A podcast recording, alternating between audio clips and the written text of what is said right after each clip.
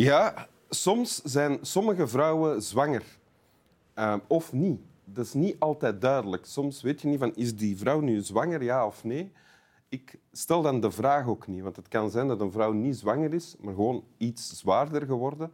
Uh, maar er bestaan ook mensen die, onafgezien van het feit of het nu niet helemaal duidelijk is, is die nu zwanger of niet, die toch die vraag stellen. Zo iemand heb ik vandaag naast mij in de zetel. Denk ik. Heeft iemand u dat verteld? Nee. Ik ging ervan uit. Welkom in Winteruur, Koen de Graven. Dank je, Wim. Acteur en natuurlijk film, theater, tv. En uh, mijn favoriete acteur in het theater. Heb je al ooit gezegd? Nee. Ja. ja. Als mens daar een... nee. Dus... En uh, je bent nu ook redelijk werkloos als acteur, natuurlijk. Redelijk. Maar je, je bent wel... Met Lazarus, het gezelschap waar je deel van uitmaakt, ben je wel iets aan het maken, hè? Ja, we hebben net de uh, Misdaad en Straf van Dostoevsky helemaal ingesproken. Um, dat was uh, veel te lang. Dat gaat heel saai zijn ook. Maar heerlijk. En, en dat is te beluisteren? Ja, dat is te beluisteren, ja. Als, als podcast? Ja, op ja. Arsenaal Lazarus de website daarvan, gaan we elke avond, denk tussen 8 en 9, um, een uur daarvan uh, uitzenden. Ah, ja. Dus dat is zowel gefilmd als dat we dat op podcast gaan uh, aanbieden. Ah, ja. En dat is ook um, een boek waarop jullie de, een, een, volgende voorstelling gaan uh, baseren, denk ik. Ja, klopt. In 2022 gaan we dat bewerken. We hebben dat een aantal keer gedaan. Dostoevsky is tot ons genomen en mismaakt. Ja. En je hebt een tekst bij. Ik heb een tekst bij. Ja. Op de, op de phone. Ja, ik had een andere tekst bij van deze, wat dat toch een favoriete schrijver is.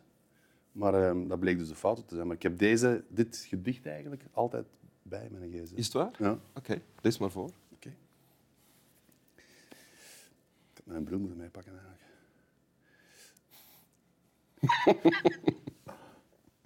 Wat weet de rivier hiervan? Een fout. dat stond naar boven gescrolld nog. Allee, daar gaan we. Het mysterie der dingen. Wat is dat? Waar is het dat het zich niet laat zien? Althans, om te tonen dat het mysterie is. Wat weet de rivier hiervan en wat de boom? En ik, die niet meer ben dan zij, wat weet ik ervan?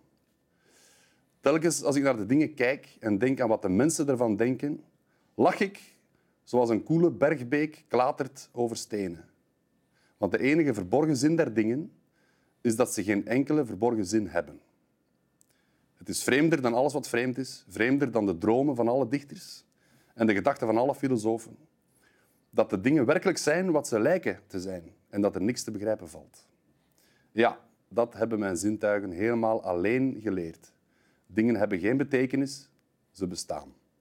De dingen zijn de enige verborgen zin der dingen.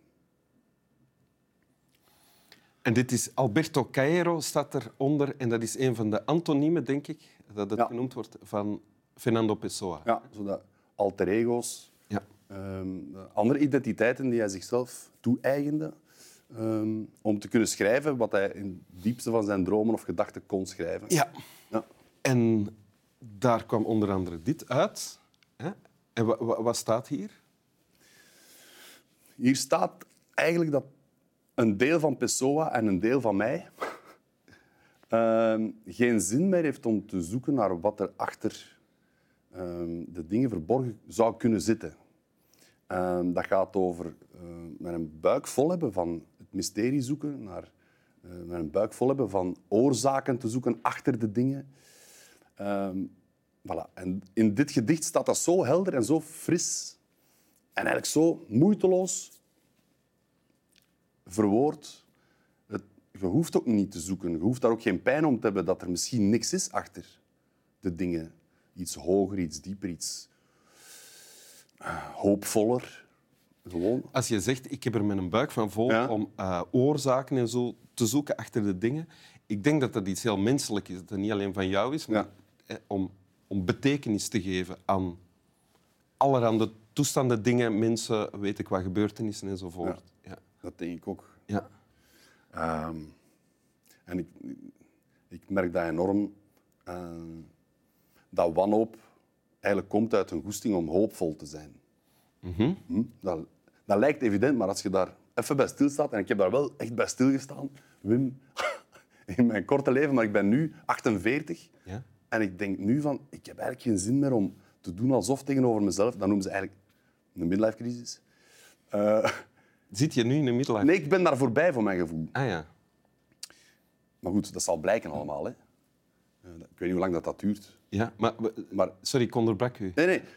En dat, dat dus, wat dat voor mij precies als meest plezierige is binnengekomen, dat is, je hoeft ook niet eh, na een tijd een antwoord te hebben op al die vragen.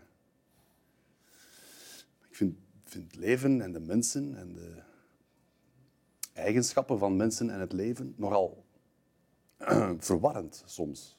Maar tegelijkertijd stopt die verwarring als je denkt, ah ja, dat is dan zo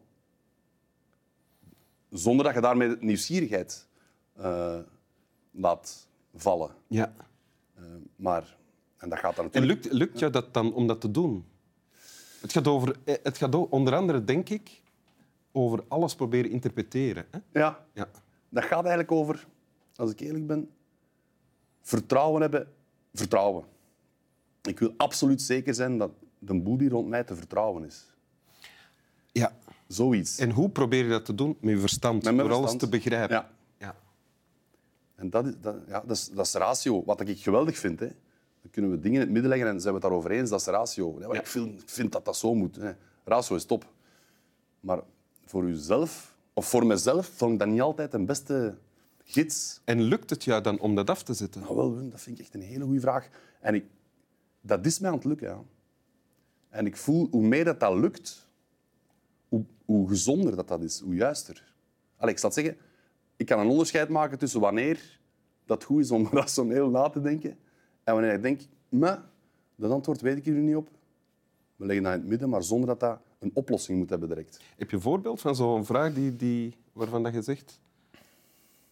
Ik heb het zoeken naar het antwoord opge- eh, losgelaten. Ja. Mijn vrouw, mijn lief, mijn toekomstige vrouw eigenlijk.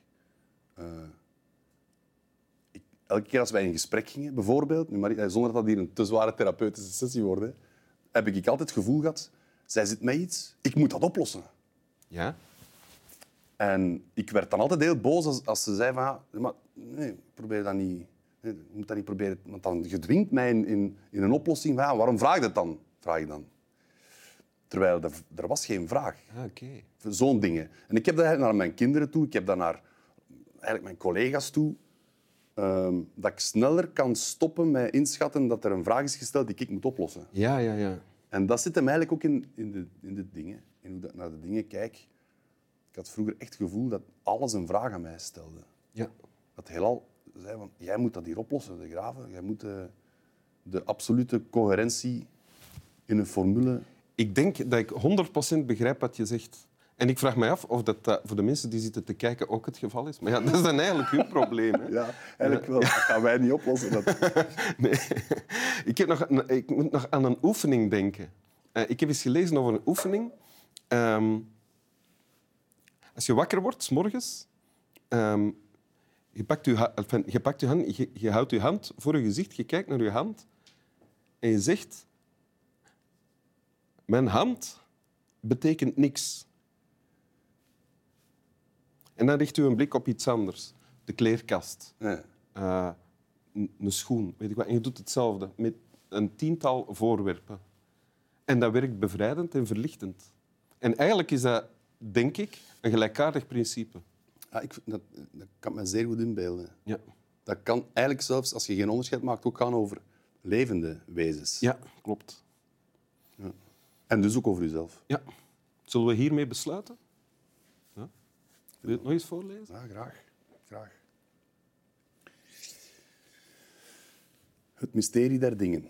Waar is dat? Waar is het dat het zich niet laat zien? Althans, om te tonen dat het mysterie is. Wat weet de rivier hiervan? En wat de boom? En ik, die niet meer ben dan zij, wat weet ik ervan? Telkens als ik naar de dingen kijk en denk aan wat de mensen ervan denken, lach ik zoals een koele bergbeek klatert over stenen. Want de enige verborgen zin der dingen is dat ze geen enkele verborgen zin hebben. Het is vreemder dan alles wat vreemd is. Vreemder dan de dromen van alle dichters en de gedachten van alle filosofen. Dat de dingen werkelijk zijn wat ze lijken te zijn. En dat er niks te begrijpen valt. Ja, dat hebben mijn zintuigen helemaal alleen geleerd. Dingen hebben geen betekenis. Ze bestaan. De dingen zijn de enige verborgen zin der dingen. Denk je? Ja, met plezier. Slap wel.